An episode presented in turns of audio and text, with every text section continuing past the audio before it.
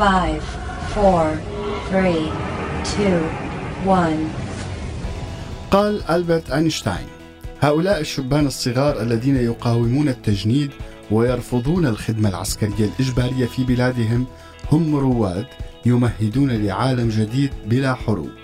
وقال رون بول المفكر الأمريكي تبرير التجنيد والترويج لقضايا الحرية والتحرير فكرة غاية بالغرابة اخترعها الإنسان. فأن تكون الخدمة الإجبارية مع ما تحمله من احتمالات الموت أو الإصابة الدائمة ثمنا للحياة بحرية وأمان هي فكرة لا معنى لها.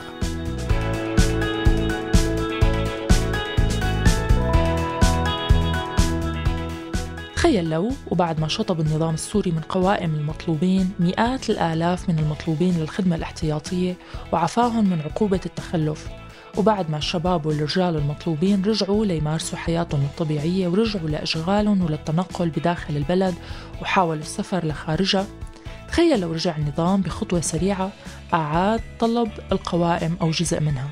كيف رح تكون ردة فعل الناس اللي كانوا ناطرين هي الخطوة من سنوات شو رح يكون مصير الشباب إذا رجعوا طلبوا مرة تانية؟ تخيل لو بعد ما ألغى النظام قوائم الاحتياط رجع طلبها. على سوريالي بعد الفاصل.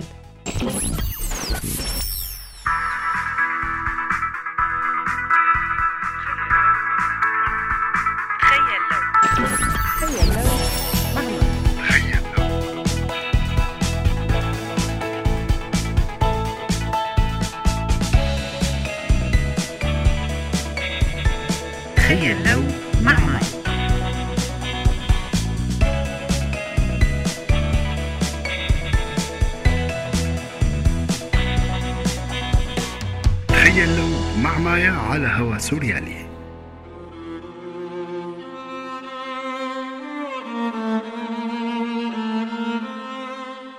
بلش النظام حملات التجنيد والتعبئة للخدمة الاحتياطية بحوالي منتصف سنة 2014 طبعا كان التجنيد الإلزامي عم يتنفذ بحق آلاف الشبان اللي بلغوا السن القانوني.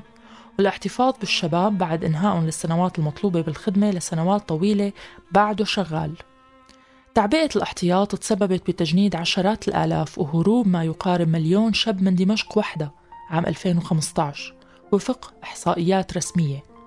والخدمة الاحتياطية بتعني دعوة المكلف اللي أتم خدمته الإلزامية وتم تسريحه منها أصولا بعد عامين للخدمة الاحتياطية. وإذا ما التحق مباشرة يعتبر حسب القانون متخلف ومتواري عن الأنظار. ما حدد النظام مدة الاحتفاظ بمطلوبي الاحتياط؟ ولسه البعض عم يخدموا احتياطيا من أربع سنوات لهلأ. بوسائل التواصل الاجتماعي مؤخرا تم تناقل أخبار ما كانت مؤكدة أو منفية عن قيام النظام بإلغاء طلبات الخدمة الاحتياطية والعفو عن المتخلفين بعد انتشار فيديو لأحد ضباط النظام بيعلن فيه عن إلغاء الخدمة الاحتياطية أثناء اجتماعه مع وجهاء من السويدة. مسألة أدت لكثير من النقاشات وعطت أمل لآلاف الشباب اللي توقفت حياتهم بسبب خدمة الاحتياط وبنفس الوقت كمان سببت نقمة بين اللي عم يخدموا بالجيش بدورات إلها ما يقارب سبع سنين بالخدمة بدون أي خبر أو تحرك باتجاه تسريحهم.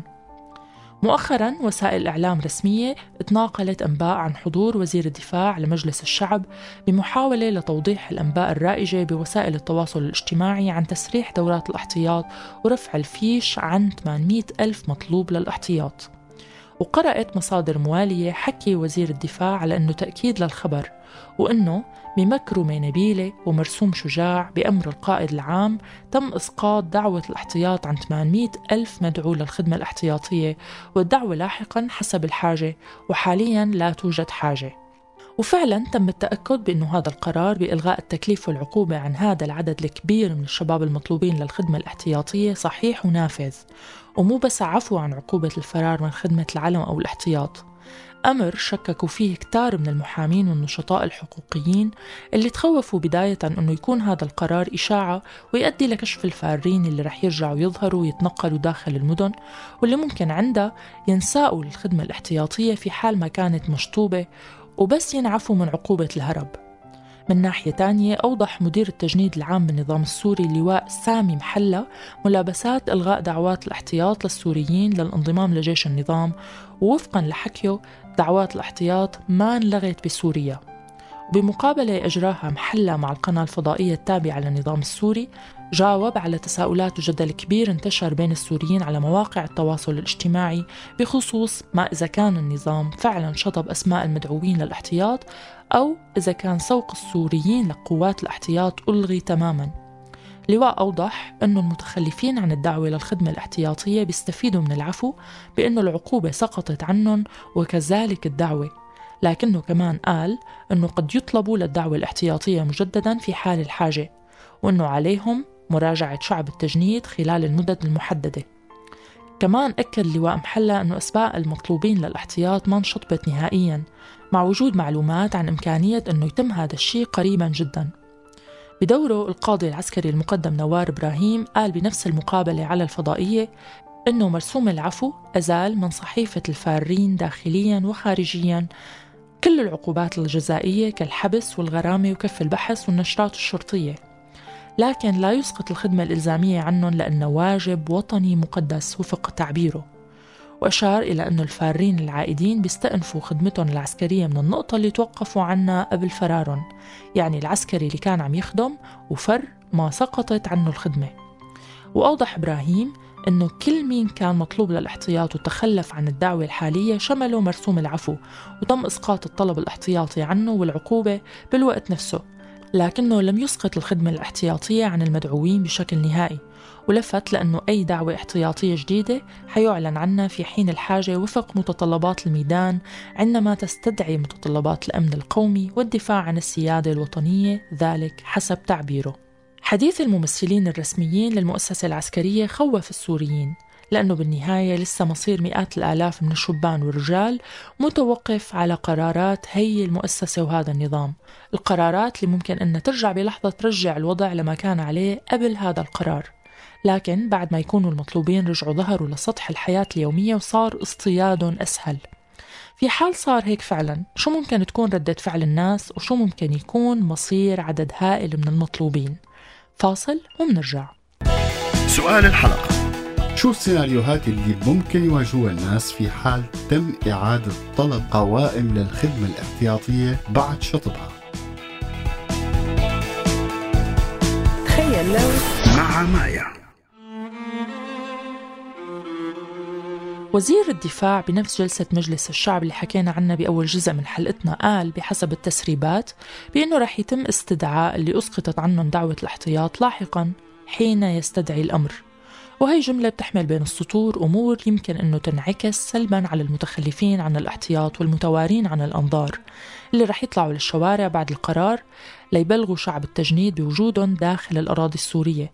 خاصة أنه نسبة معتبرة منهم رح تتوجه للحصول على أذون سفر بموجب القرار اللي بيجبر المكلف بين سن 17 و 42 سنة على الحصول على إذن من شعبة التجنيد للخروج من سوريا. وهون ممكن إنه يكون التضييق على المعفيين من الاحتياط بموجب القرار بعدم السماح لهم مثلا بالخروج من البلد وإجراء عمليات إحصاء دقيقة للموجودين داخل سوريا من اللي هن بسن الاحتياط عدا عن استقدام الآلاف من خارج سوريا من اللي هربوا من التجنيد الاحتياطي بعد إعطائهم تطمينات وتنفيذ القرار بشكل جدي وممكن بعدها تصدر قوائم جديدة تحت بند حين يستدعي الأمر بتم بموجبها إعادة طلب الموجودين والمعفيين بموجب القرار. بعد ما حدثوا بياناتهم بشعب التجنيد وحطوا عناوينهم الجديدة بشكل رسمي. حقوقيين سوريين قالوا أنه مرسوم العفو الأخير قد يكون فخ بيقعوا فيه كل العائدين لسوريا من المطلوبين للاحتياط. ووضحوا بأنه العفو بيشمل عقوبة التخلف عن الالتحاق والمطلوب للاحتياط بيبقى مطلوب مع إعفائه من العقوبة بعد تسليم نفسه للقضاء العسكري. والنيابة العسكرية هي اللي بتخلي سبيله إذا كان اسمه مشطوب من قوائم الاحتياط وإذا كان غير مشطوب بيلتحق بالخدمة العسكرية.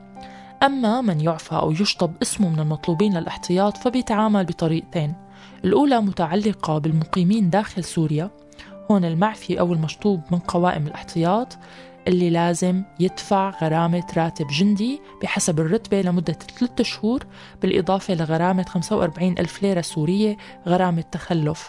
بيقدم بعدها طلب للنيابة العسكرية لتشميل الاسم بالعفو وشطب الاسم بالأمن الجنائي يعني كف البحث. أما المقيمين خارج سوريا ففي حال ما كانوا متأكدين من شطب أسمائهم فاحتمال توقيفهم على الحدود السورية وسوقهم لقطعهم العسكرية وارد حتى مع وجود العفو. ردة فعل الناس بكل توجهاتهم السياسية وخاصة من الشبان اللي توقفت حياتهم بالكامل أو اضطروا لتغيير مكان إقاماتهم بسبب هروبهم من الخدمة العسكرية رح تكون مزيد من فقدان الثقة اللي هي أصلا شبه معدومة بالنظام وبأي دور إلهم بمستقبل البلد في حال ضلت هي السكين محطوطة على رقبتهم إضافة لهرب المزيد من الشباب في حال جددت الدعوة. أما الشباب اللي ممكن ينلقطوا غدرا ويساقوا للخدمة الاحتياطية فرح يكونوا وقود جديد لحرب عبثية هي مو حرب من أجل أهداف هي مو أهدافهم. ورح تكون رصاصة جديدة بقلب الهوية الوطنية اللي كل السوريين صار عندهم أزمة معها. فاصل ومنرجع. وجهات نظر.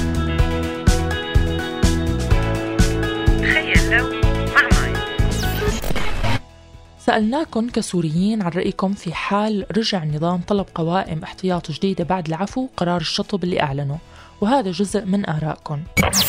يلي بيجرب مجرب بيكون عقله مخرب. إذا الحمار بيتعلم لكن كيف البني آدم؟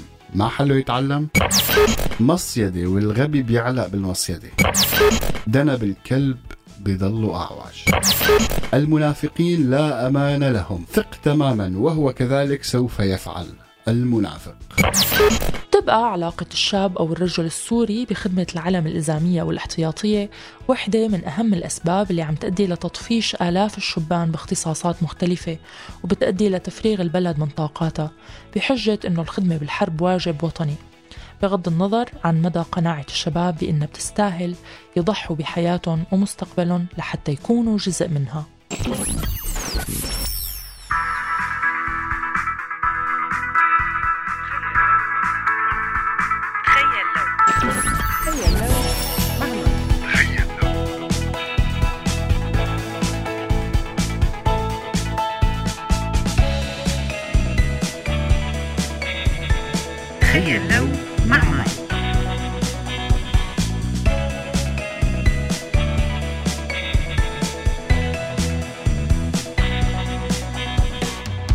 تخيل لو مع مايا على هوا سوريالي. هذا البرنامج من إنتاج سوريالي 2018